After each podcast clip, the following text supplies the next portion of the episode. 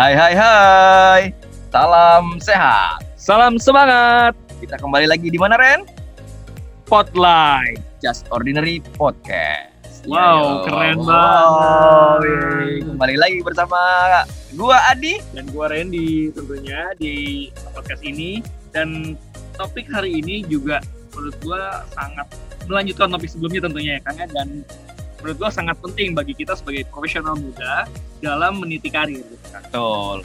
Eh, kita kali ini akan mengajak atau eh, apa namanya mengajak eh, salah satu kolega kita, teman kita, sahabat kita eh, dan sahabat kami berdua ya di di salah satu eh, alumni beasiswa gitu ya eh, akan sharing mengenai bagaimana eh, beliau S2 gitu ya S2 padahal beliau juga udah berkarir gitu ya. Tadi di swasta kemudian sekarang di salah satu BUMN terbesar juga ya di Indonesia setelah uh, S2 dan dan artinya kan buat kita-kita yang uh, sudah kerja juga ada possibility untuk bisa S2 lagi ya. Jadi upgrade knowledge, kemudian juga experience secara profesional gitu ya. Betul, eh, hari ini kita akan eh, kita menggunakan media Zoom dengan seorang ya, dia tadi rekan kita semua itu adalah Kang Inai, Inaitullah yang saat ini menjadi seorang yang bekerja di BUMN tadi sudah disampaikan Kang Adi di bidang semen Di Indonesia lah ya, nggak ada lagi ya. dan beliau mengambil beasiswa di Inggris eh, melalui salah satu beas- beasiswa dari Kementerian Keuangan ya, Ya, PDP. Mari kita panggil saja Kang Inai eh, sebagai inspirasi call kita ya. Segmen kita kali ini inspirasi call-nya adalah Kang Inai Tullah. Lalu atau kita biasa manggil, Ka- manggil Kang Inai. Assalamualaikum. Woi, orang-orang hebat. Senior kita ini namanya kita Apa panggil kabar? Suaraku jelas nggak ya? Jelas Kang Inai. jelas jelas jelas jelas. Lagi di mana nih Kang Inai? Saya lagi kebetulan lagi di Bandung. Oh lagi di Bandung. Wow. Suara saya jelas? Iya jelas jelas. Iya. Tadi ngeganggu ini nih ngeganggu weekend. Ah, syukurlah. Lagi di Oh no, Bandung. it's so okay. Betul, ini kebetulan em, lagi ada eh, apa ya? Kondisi anak saya lagi perlu perhatian ekstra. Hmm. So, aku harus pulang dulu ke Bandung gitu. Gila, aku sangat happy ini. Bertemu lagi dengan orang-orang hebat. Wah yang konten yang ini ya tuh kita mah apa Kang? Kita lagi belajar di sini. Kita lagi belajar. Salah satunya belajar dari orang lain levelnya lebih advance dari kita yaitu Kang I- Inai. Iya, kita pengen oh ini menyerap ilmu Kang Inai. Boro-boro. Iya Kang Inai. Wah, luar biasa, luar biasa. Senior kita di Karya Salim 4 ya Ren ya? Iya betul. Iya, Salah jadi- satu yang jadi panutan dari seluruh penerima beasiswa karya Iya, Salam Empat beliau pertama iya. Eh, iya. enggak, enggak. Dan sekarang dipercaya juga Karena- udah masuk masuk eh, ke pengurusan ini kayaknya eh, Yayasan. yayasan ya. Kang ini sekarang di mana sekarang? Iya. Kang? Eh, berkarir. berkarir di mana Kang sekarang Kang? Saya di Semen Indonesia, di Oh, Semen Indonesia Group. biasa. Satu BUMN Betul. juga lah ya. Iya, habis merger mergerin semen-semen yang lain soalnya. Salah satunya Holcim ya. Wah, Iya, betul, betul. 2019 kemarin 2019 2020 kita eh, bergabung bareng-bareng buat Indonesia. Oke. keren banget. Padahal Holcim eh, ini ya punya Jerman ya kalau nggak salah ya. Lafarge Holcim itu European. Europe. Eh, saya lupa spesifiknya, ha. Lafarge Holcim. Oke. Gitu. Posisi apa Kang? Gimana, maaf? Posisinya sama- sekarang apa? Handle apa? Oh, di kantor. Saya lagi pegang strategic planning, Wih, mantap. perencanaan strategis. Betul. Karena eh, kebetulan related sama sekolah kemarin sih terakhir. Ya. Jadi alhamdulillah. Ngomong-ngomong tentang sekolah kemarin, kan, Iya. Ya, alhamdulillah, Ini- alhamdulillah. Ini, ini yang penting. memang eh, tentu topik kita hari ini Iya. kan eh, sebenarnya terutama bagi saya sih ya dan mungkin juga Kang Adi sebenarnya penasaran sih kenapa sih seorang Kang Ina yang mungkin di pekerjaan sebelumnya juga sudah posisinya keren banget tapi tetap memilih untuk ngambil S2 gitu. Sedangkan saya yang masih ya gini-gini aja Gini aja ya Ren ya. kayaknya mau ngelangkah ke situ berat banget gitu Kang. Nah, makanya kita hari ini mau ngomongin tentang itu Kang topiknya. Betul. Jadi Siap, siap. Uh, Mudah-mudahan uh, ada yang bisa lah, saya sharing-sharing. dapat sharing dari Kang Inai mengenai Tentu, tentu, uh, tentu. apa namanya gimana nih S2 pada saat berkarir di tengah berkarir terus S2 ya. Barangkali nanti juga ada beberapa informasi buat warga Pelita nih. Kita sebutnya warga Pelita Kang ini, teman audiens kita ini. Warga Pelita, halo. Salam Walaupun belum kenal. banyak tapi sudah ada pendengar ini ya Kang, sudah ada pendengar tetapnya kayaknya sih. Iya, setia. followers kita walaupun Oh iya, ya. iya, masih, iya. masih 80-an kayak followers. Saya uh 80. Ya, Keren banget, Kang. udah keren banget. Saya the next eh, pendengar setia insya Allah. Amin. Karena ini hostnya keren-keren.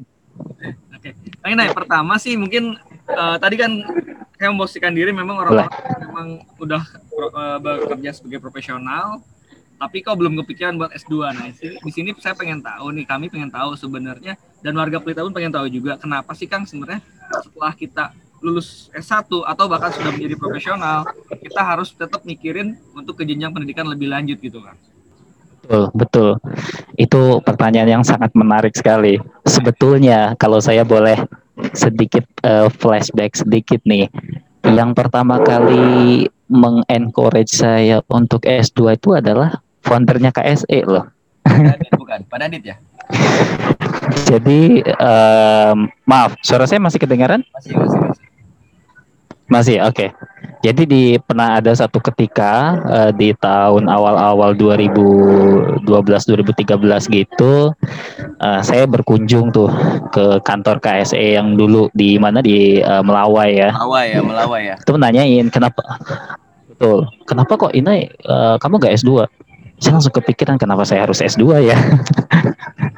itu di awal-awal 2013. Jadi itu hanya hanya sekilas saja dulu. Sampai akhirnya saya ketemu lagi sama salah satu alumni di tahun 2015. Kebetulan saya 2014 itu ada dinas ke Yokohama, waktu itu ke Jepang. Pulang dari Jepang itu ada ketemu satu alumni KSE yang keterima di kampus yang sama seperti saya di UCL, itu University College London. Iya, Penasaran lah saya, saya kontak apa sih, kenapa sih kok harus ngambil S2 dan lain sebagainya.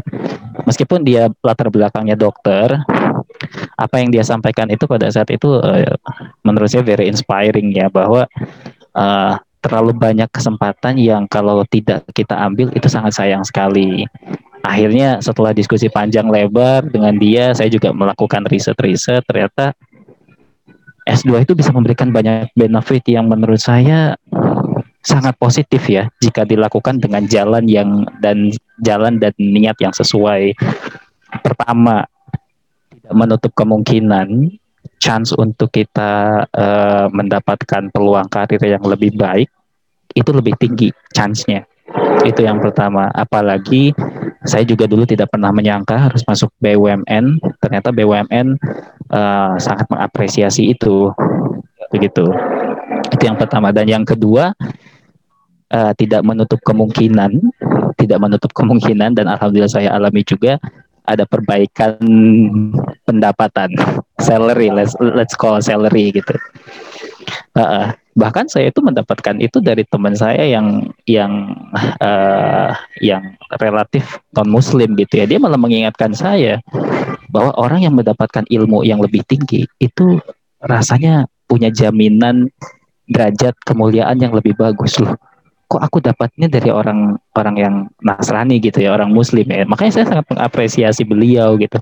Ketika coba saya kulik-kulik lagi loh di kitab suci Islam juga ada loh di Al-Quran. Iya kalau orang yang berilmu itu relatif akan dimuliakan lah derajatnya. Meskipun ya saya lebih ke hanya niat untuk itu. Niat ingin ingin mencoba memperbaiki kondisi dan hal positif lainnya Hmm. ternyata saya itu sangat merasakan S2 itu merubah banyak pola pikir kita sih. Pola pikir saya lah setidaknya. Saya merasa cara saya memandang sesuatu berpikir menganalisa sebuah masalah itu relatif relatif sangat sangat berubah seperti seperti itu. Dan alhamdulillah ternyata saya saya dapat dapat rezeki sampai sekolah di luar keuntungan selanjutnya adalah saya membangun networking sifatnya global. Ya. kebetulan saya ada teman dekat dari Jerman kebetulan ada teman saya teman dekat saya dari Chile dari Georgia em, dari UK juga tentunya. Bahkan teman saya yang di Jerman itu sudah menawari uh, kalau nanti aku punya anak sekolah di Jerman aku nitip ke kamu ya oh ya jangan khawatir. Surat anakmu kamu jam apa aku jamin kata ya networknya jalan itu iseng-isengan bercanda kita ya. Oh, silaturahmi membawa alhamdulillah alhamdulillah. Jadi kalau saya simpulkan memang sisi iya. kenapa kita harus melanjutkan pendidikan lebih tinggi itu adalah ketika kita membuka peluang-peluang lain gitu ya Kang ya. Dan membuka yang paling saya keren itu adalah membuka pengetahuan dan networking itu sendiri ya Kang ya. Dua hal dua hal itu ya dua hal yang uh, rasanya ya memang betul betul juga ya. betul. Selain uh, ilmu dapat network juga ya Wah network network ngomongin network ini koneksinya juga dan itu dan itu kayak itu kayak lanjut Kang Iya, sorry, sorry sekarang masih oke. Okay. Tadi saya mencoba mematikan beberapa aplikasi. Kemungkinan dari saya sih sinyalnya. Mohon maaf. ya Kang ya. Oh, Oke, okay. itu, ya, itu sih apa, sebetulnya uh, alasan-alasan uh, utamanya. Kang ini kemarin bidang studinya apa Kang? Saya ngambil uh, strategic management of projects. Jadi project management yang sifatnya itu uh, strategis gitu. Banyak sih sebetulnya uh, mata kuliah apa jurusan-jurusan manajemen proyek gitu ya. Cuman uh, saya melakukan riset ini unik sekali programnya. Dia mengajarkan hal-hal yang sifatnya strategis. Hmm. Seperti itu. Dan di agak-agak semi MBA, agak-agak semi MBA, tetapi fokusnya ke project uh, science project ya project. Uh, berarti relevan dong ya dengan posisi sekarang berarti ya dengan posisi ya. di semen Indonesia ya. Betul. Nah, boleh ya, nih Kang di sharing Alhamdulillah relevan. Nih, kemarin proses untuk bisa dapetin beasiswanya nih. Dan tentu syarat-syaratnya apa sih Kang? Iya. Mungkin warga Pelita atau bahkan saya pribadi nih. Saya juga pengen kayaknya nih. Melanjutkan seperti Kang Ina itu sendiri Kang. Terinspirasi nih Kang, terinspirasi nih Kang. Iya iya iya iya. Sesuai dengan amanah dari foundernya KSE nih ya Pak Mirza, saya harus kalau bisa mengencourage semua network saya khususnya KSE untuk lanjut S2. Jadi kalian Kang Adi dan Kang Randy absolutely harus S2.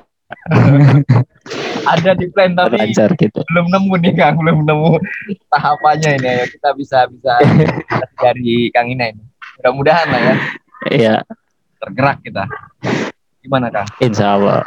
Kalau kalau mengenai syarat, kalau mengenai syaratnya sebetulnya um, saya merasa sepertinya sudah ada perubahan yang cukup signifikan.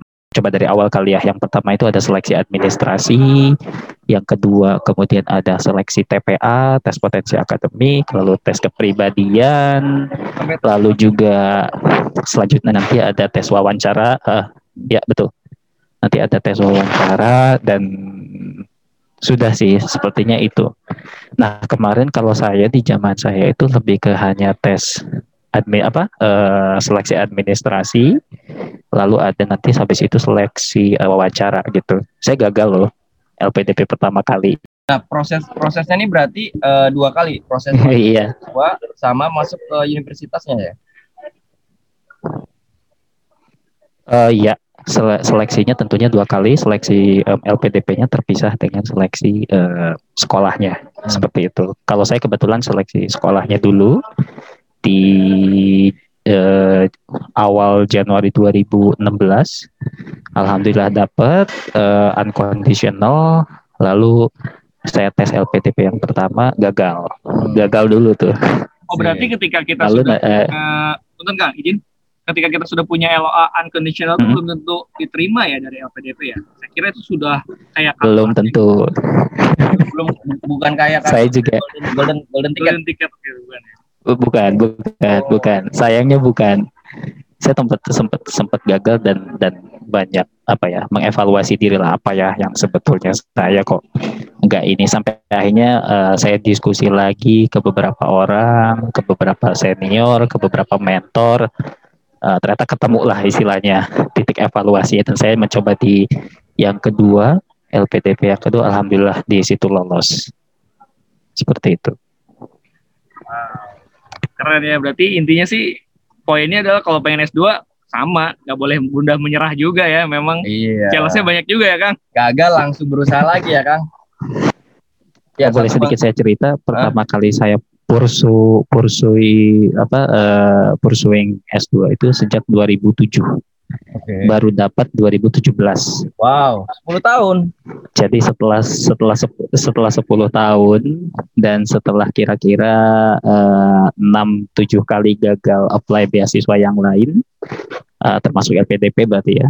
Di yang ke-8-nya itu saya dapat alhamdulillah. Jadi ya jadi terus mencoba uh, aja, ya, nothing tulus. Sungguh-sungguh menghas ini ya, benar-benar menghasilkan ada hasilnya gitu ya. Kalau kita sungguh-sungguh ya, Kang ya. Walaupun gagal berkali-kali gitu ya. Saya, saya, saya selalu yakin pasti ada satu titik di mana itu akan terbayarkan. Ya. Entah itu dapat beasiswanya, entah itu dapat karir yang lebih bagus. Tetapi saya masih tetap percaya kalau kita keep trying itu pasti akan ada mencapai satu titik pencapaiannya gitu loh. Entah itu seperti apa ya bentuknya. Kalau saya ke ternyata setelah 10 tahun mencoba ternyata mencapai juga tuh titik yang uh, kebetulan saya saya saya impikan gitu ya. Uh, boleh kan saya sedikit nanya lagi, challenge apa sih yang paling mungkin sulit menurut Kang Inai? Dan dan apa aja challenge-nya terus yang tersulit apa gitu Kang? Ya, Anda, saya tidak ada dalam lingkungan orang-orang yang sangat bersemangat untuk mengejar S2 ya di dalam 10 tahun ke belakang ini. Baru baru dalam uh, tahun-tahun terakhir saja. Dan challenge yang kedua adalah dan, uh, bahasa. Saya uh, tidak tidak dengan serius dari awal untuk mempelajari bahasa karena kan syarat-syarat mengenai IELTS, TOEFL dan lain sebagainya itu absolutely uh, syarat utama gitu ya. ya. Tidak boleh tidak kan di mana pun. Nah itu yang saya tidak tidak menseriusi itulah pada saat itu. Gitu. Oke, Kang Inai. Jadi kalau karena karena saya uh, kondisi juga tidak memungkinkan. Oke, Kang Inai. Uh, ya, uh, kalau LPDP sendiri nih Kang, LPDP sendiri uh, apakah sudah ada partner-partner sendiri ya uh, perguruan tinggi di luar negeri gitu ya untuk kayak misalkan KSE punya mitra tiga di 34 uh, PTN di seluruh Indonesia misalkan ya apakah apakah uh, sama kayak gitu atau memang bebas kita ada uh, milih milih beberapa apa aja universitasnya nanti kita daftar LPDP untuk dibiayai gitu ya uh, jadi LPDP itu sekarang ada ada beberapa ketentuan universitas ya. Uh, kalau di luar negeri itu ada beberapa uh, nanti LPDP pasti ini kok pasti sudah memberikan daftar universitas yang yang akan yang akan di apa ya menjadi syarat untuk bisa dibiayai oleh LPDP. Kalau dulu di zaman saya itu kayak masih hampir hampir semua kampus di di luar negeri itu bisa gitu ya bisa ditembus. Sekarang itu di luar negeri itu relatif sangat terbatas hanya uh, mudah-mudahan uh, ini masih benar tapi nanti boleh dikoreksi oleh masing-masing itu hanya sekitaran 100 universitas terbaik di dunia saja seperti itu saya masih masih belum ngecek di persyaratan terakhir tetapi uh, ke, jadi intinya menjadi relatif lebih selektif dan terbatas gitu. Ya, betul. Betul sih Kang, kalau, kalau saya terakhir ngecek LPDP itu nggak semua kampus dan semakin sulit gitu. Kalau nggak salah, apalagi sekarang pembagiannya banyak ya Kang ya. Ada yang harus utusan daerah timur, terus ada, banyak lah pokoknya. Oh ini ya, uh, berarti uh, terbatas juga nggak bidang bidang keilmuannya Kang ya? Kayak misalkan kayak saya nih pengen Tidak. ya pengen MB, M, MBA hmm. misalkan ada possibility nggak kalau kayak gitu ya yang kita yeah. pengen kan kita berkarir misalkan contoh saya di berkarir di sales marketing ya jadi kan kalau PNS 2 juga mungkin yang akan yeah, relevan yeah. tuh ke MBA atau MM gitu ya. Ya. Kalau dari tingkat relevansinya, um, saya rasa semuanya itu masih masih layak dicoba karena tetap ada beberapa ada beberapa orang yang dari informasi terakhir yang saya riset itu hmm. yang juga masih bisa lolos MBA seperti itu. MBA itu saat sejauh ini uh, relatif tidak preferable tidak preferable uh, entah entah bagaimana uh, reasonable-nya tetapi tetap ada beberapa orang dari yang terakhir saya riset itu ada yang uh, MBA di beberapa kampus terbaik di dunia juga hmm. seperti itu.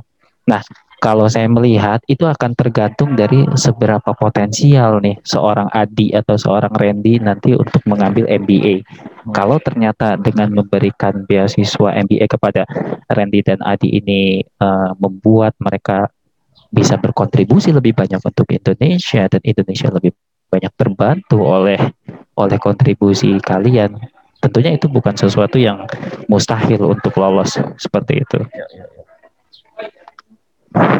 Menarik, menarik. Jadi, jadi kalau kalau terakhir saya juga melakukan melakukan riset itu ada tiga poin yang yang menjadi perlu perhatian uh, buat mereka yang mau melamar ke LPDP gitu ya. ya. Yang pertama bahwa uh, eh, S2-nya itu harus bagus dan mampu mendukung rencana pribadinya masa depan. Okay. So for your future vision ya vision yang kedua itu for your professional ya for your career for hmm. your professional career hmm. tetapi juga yang penting itu adalah uh, the contributionnya for nation jadi mengkombinasikan untuk pribadimu untuk profesimu ya maklum lah ya profesi karena itu kan kita juga jelas harus punya mata pencaharian dan lain sebagainya tapi juga mengkombinasikan itu dengan sesuatu yang berkontribusi untuk negaranya karena memang gitu. didanai negara ya Kang ya. iya, kita harus mengembalikan kontribusi kita ya ke Indonesia ya. Penting sih penting.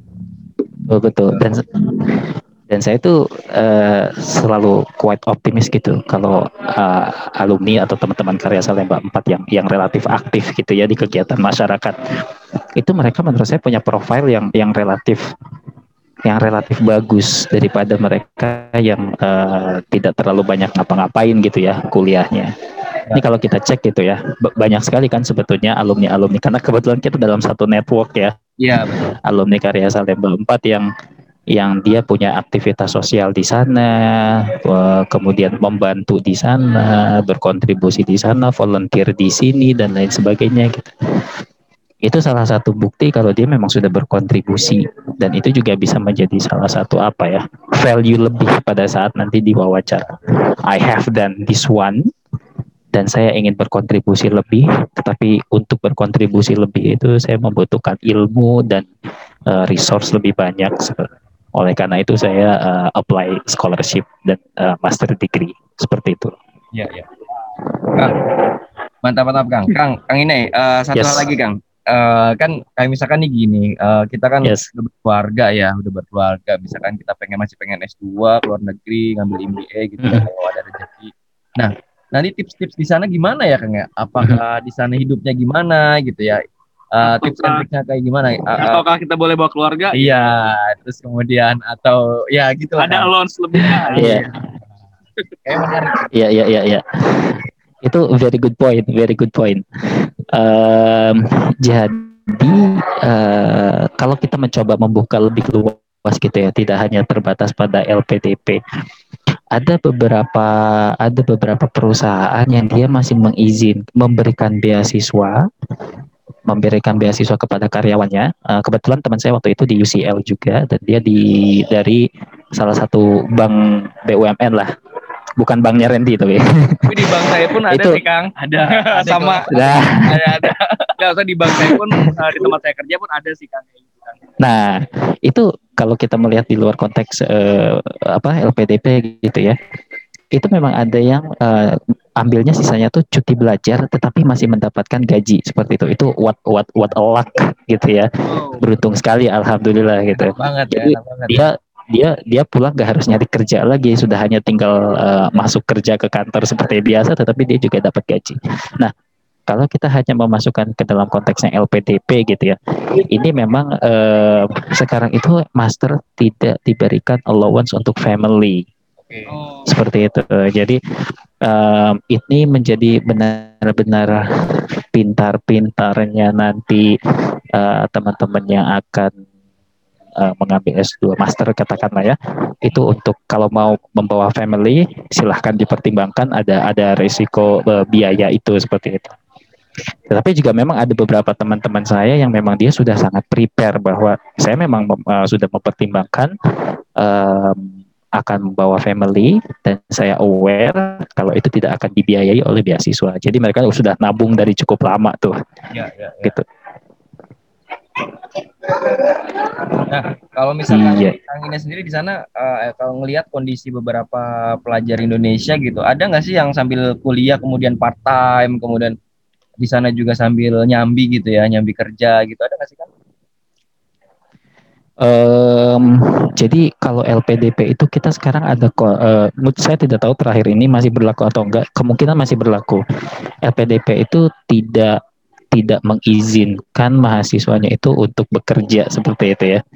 Karena mungkin ada kekhawatiran nanti sekolahnya menjadi terganggu, menjadi Ganggu, tidak fokus, betul, malah betul. betul malah tujuan utamanya belajar malah mencari uang juga atau juga insya Allah LPDP itu selalu memberikan uh, living allowance yang yang menurut saya sangat cukup kok bahkan masih bisa nabung masih bisa buat jalan-jalan juga gitu kalau kita stres. Cukup kok insya Allah milik uh, Europe udah berarti ya kan belum belum semuanya. Sempet kok sempet. Ya dari dari sisa tabungan aja. Makanya uh, apalagi kan living cost di London kan sangat tinggi sekali ya, ya jadi uh, harus nabung beberapa bulan dulu baru wah ini ada sisa nih kayak jalan-jalan lah bentar ke Paris gitu. Jalan-jalan iya, bentar iya, ke mana iya, gitu. Dekat soalnya. Ya kan iya naik bis kok cuman cuman cuman berapa ya? Cuman 7-8 jam lah dari London ke Paris itu dan banyak okay. sekali tiket-tiket uh, gratis. uh, gitu. eh bukan iya tiket uh, murah. Terakhir uh, yes. mungkin pertanyaan terakhir sih Kang. Karena uh, kita juga memang uh, udah terlalu sore juga khawatir bentuk maghrib ya. uh, Oke. Okay. Uh, terakhir dari kami nih, gimana sih uh, kita seorang profesional, seorang pekerja gitu ya karyawan gitu di uh, untuk sibuk kerja, fokus ngejar karir, kemudian dengan kesibukan yang memang ya apalagi di swasta atau di mana pun lah ya di BUMN atau di mana pun mungkin udah zaman zamannya agak sulit mengatur waktu, apalagi motivasi nih buat sekolah lagi. Yeah. Gimana nih uh, membangun, membangun motivasi, motivasi itu ya? Menjaga membangun dan memotiv, memotiv uh, membangun sama recall lagi ya recall intinya mungkin motivasinya itu Kang Ina yang menasihati saya sama Kang Adi supaya tetap mau okay. sekolah lagi gitu nggak iya. terbuai dengan pekerjaan atau rutinitas aja gitu kan. Betul. kan mungkin bisa nasihati kami. Enggak, enggak, enggak. Ini lebih ke untuk uh, bersama aja sih. Enggak, enggak menasihati. Kita sering belajar bersama. Kalau soal kalau soal motivasi itu, um, saya melihat setiap orang itu punya trigger yang berbeda-beda ya. Ada yang punya triggernya itu um, materi, ada yang punya triggernya itu kalau sudah saya saya berasumsi uh, semuanya sudah pada berkarir kan. Uh, triggernya itu uh, promosi jabatan ada triggernya itu uh, opportunity yang lebih baik di baik itu ke perusahaan yang lebih bagus dan lain sebagainya gitu. Nah saya melihat kalau kita tidak mencoba mau meluangkan waktu sedikit meluangkan effort untuk mengejar itu itu kesempatan yang yang akan menjadi terbuang menjadi sayang sekali gitu kalau tidak dicoba. Ini memang ini memang melelahkan, tetapi itu worth it untuk dicoba. Saya juga di swasta kok dulu uh, pekerjaan saya juga uh, kerjaannya dulu lembur-lembur terus gitu. Nah justru justru itu malah memotivasi saya untuk uh, I think I can I can be like this forever. Saya tidak bisa seperti ini selamanya. Yeah. Saya saya mencari mencari harus mencari peluang yang lebih bagus dengan dengan jenjang karir yang juga lebih bagus dan dan pertimbangannya adalah kalau saya tidak pinter-pinter banget tidak pinter-pinter banget di kantor yang yang sekarang gitu ya dan tidak ada istilahnya batu loncatan yang meloncat lebih bagus, lebih tinggi gitu ya. Sepertinya untuk saya naik karir itu lama sekali, harus 10 tahun, harus 15 tahun dan lain sebagainya. Akan tetapi saya melihat dengan dengan uh, master itu itu ada uh, saya bisa meloncat melangkah dua tiga kali rasanya lebih cepat seperti itu hmm. dan kalau dan kalau Adi dan Randy tidak mencoba itu sangat sayang sekali gitu. Itu kesempatan yang setidaknya sudah saya alami sendiri dan uh, saya saya sih um, optimis bahwa itu bisa dialami juga nanti oleh Randy dan dan uh, teman-teman pendengar pelita seperti itu ya. Dia sangat sayang sekali jika tidak diusahakan. Gitu. Oke, terima kasih. Dan memang Kang In- betul Ya, ya. melelah, ya melelahkan ya. Eh, tapi juga pasti ada melelahkan. mm, ada motivasi masing-masing dan kita harus kuatkan itu ya, Kang ya. Kang Inai kira-kira berapa IELTS yang ibaratnya aman Kang bagi kami kalau mau ngambil beasiswa di luar negeri Kang? Tergantung jurusan, kalau terkait IELTS, kalau MBA itu paling aman di angka 7 dan tujuh setengah. Tetapi kalau masih jurusan-jurusan yang relatif umum itu eh, enam setengah dan 7 itu em, sudah ada beberapa enam setengah itu sudah ada beberapa kampus yang bisa nerima. Kalau mau aman banget itu tujuh setengah. Tujuh itu juga Wow. relatif cukup aman. Eh, Siap. Tujuh setengah. Siap Kang. Terima kasih Kang. mantap, mantap. Itu akan menjadi acuan kami. Pulang dari sini saya akan ke Kang setengah IELTS latihan ya. Kang, satu lagi ada keterbatasan ya, umurnya. saya Kang? gagal. Saya gagal IELTS dua kali. Oke, ya. Sorry, saya gagal IELTS dua kali. Jadi eh, dua kali pun masih tetap enam setengah. Jadi kalau teman-teman mulainya dari sekarang, eh, saya yakin teman-teman masih bisa dapat yang lebih tinggi skornya. So go for it. Terus Eh, tadi Kang, ada- pertanyaannya terkait Ah, yang umur ya? batasan umur. Iya, kalau LPDP itu seingat saya master degree-nya 35 tahun. Jadi sebelum 35 kalau bisa eh, dicoba terus. Em, kalau beasiswa lain saya kurang tahu. Cuman rata-rata seingat saya di bawah 40 aja, betul. Kalau dari kampusnya Kang kira-kira ada batasan nggak Kang? Mungkin eh, di alma maternya Kang Inai Oh, enggak. itu ada batasan nggak Kang? Kalau di kampus saya eh, di kampus saya dulu ada yang usianya 45 tahun. Hmm, oke. Ada yang usianya itu hampir 50 tahun juga ada. Jadi eh, mereka tidak tidak tidak concern dengan umur, tetapi mereka concern dengan profil latar belakang kita dan achievement yang pernah kita raih seperti itu. Karena kebetulan Kang kalau di tempat saya kerja itu ada beasiswa juga seperti itu sih Kang. Bahkan family allowance Ya. tuh ada gitu. Jadi eh, Oh iya, mungkin bagi saya juga itu sebenarnya peluang aja, peluang untuk bisa diambil. Namun memang memotivasi dirinya itu yang harus lebih lanjut gitu kan. iya. Salah satu motivasinya gini aja Ren. Kalau kalau aku S2 itu aku bisa jadi kepala divisi atau SVP lebih cepat lah insya Allah. Iya. Kang Inai kan udah VP sekarang. Belum, masih jauh. Insya Allah Kang, Insya Allah akselerasinya bakal lebih cepat. Apalagi Nih, Eh, seorang Kang Ina ya kan?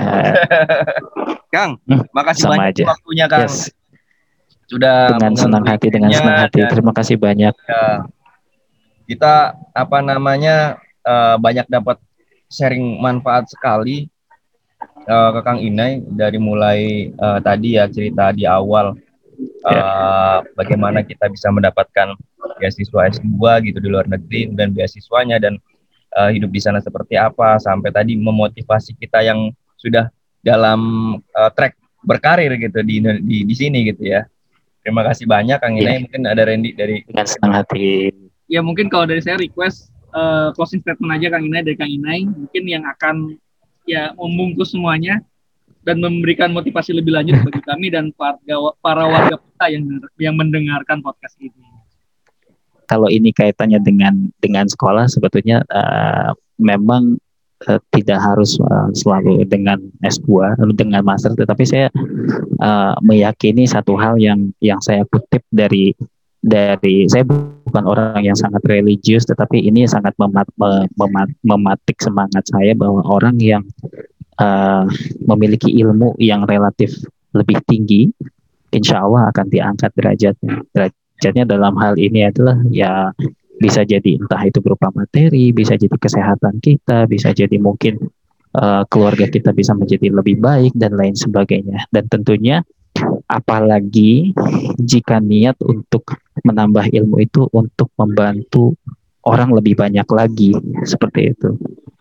Jadi eh, jika kita mengkombo niatnya ya, pertama niatnya saya untuk mencari ilmu dan eh, mudah-mudahan diangkat lebih baik gitu ya Amin, amin. kondisi kitanya dan di, di, dibungkus lagi bahwa mudah-mudahan dengan ilmunya yang lebih baik ini saya bisa memberikan manfaat yang lebih luas untuk orang yang lebih banyak itu eh, lebih lebih menguatkan kita pada saat kita untuk mengambil motivasi untuk uh, terus mengusahakan apa yang kita impikan katakanlah S2 atau S3 seperti itu.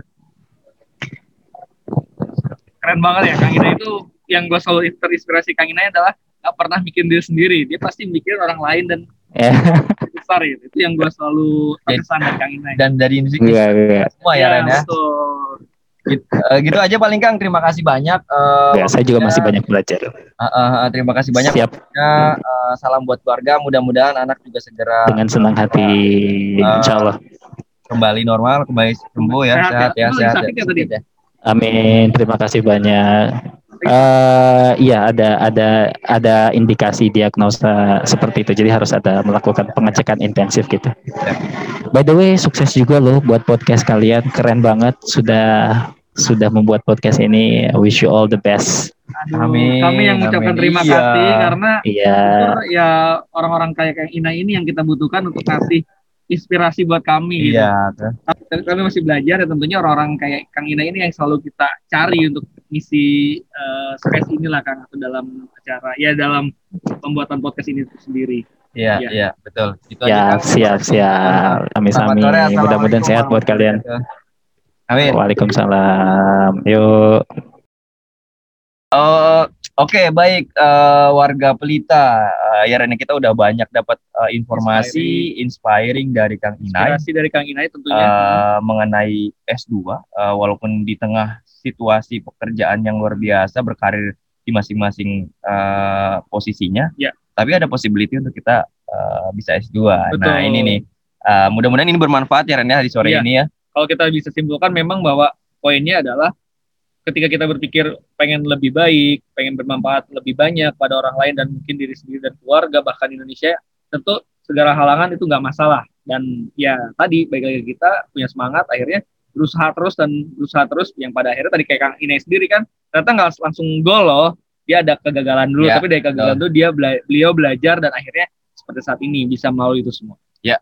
Itu aja paling sore ini. Nanti next mungkin bisa jadi kita akan ada satu sesi lagi mengenai S2 tapi di bidang akademisi atau Akademisi, saintis ya yang memang benar-benar fokus pada bidang yang memang juga sama-sama pengen menebar manfaat buat banyak orang ya. Iya, betul Gitu aja. sekali. Terima Oke. kasih Kang Inai, terima kasih para pendengar. Warga Pelita, Warga terima Pelita. kasih banyak. Eh, kita akhiri eh, sore ini dengan Spotlight. Just Ordinary Podcast. Sampai, Sampai jumpa jumpa di podcast selanjutnya. Bye bye. Thank you, thank you.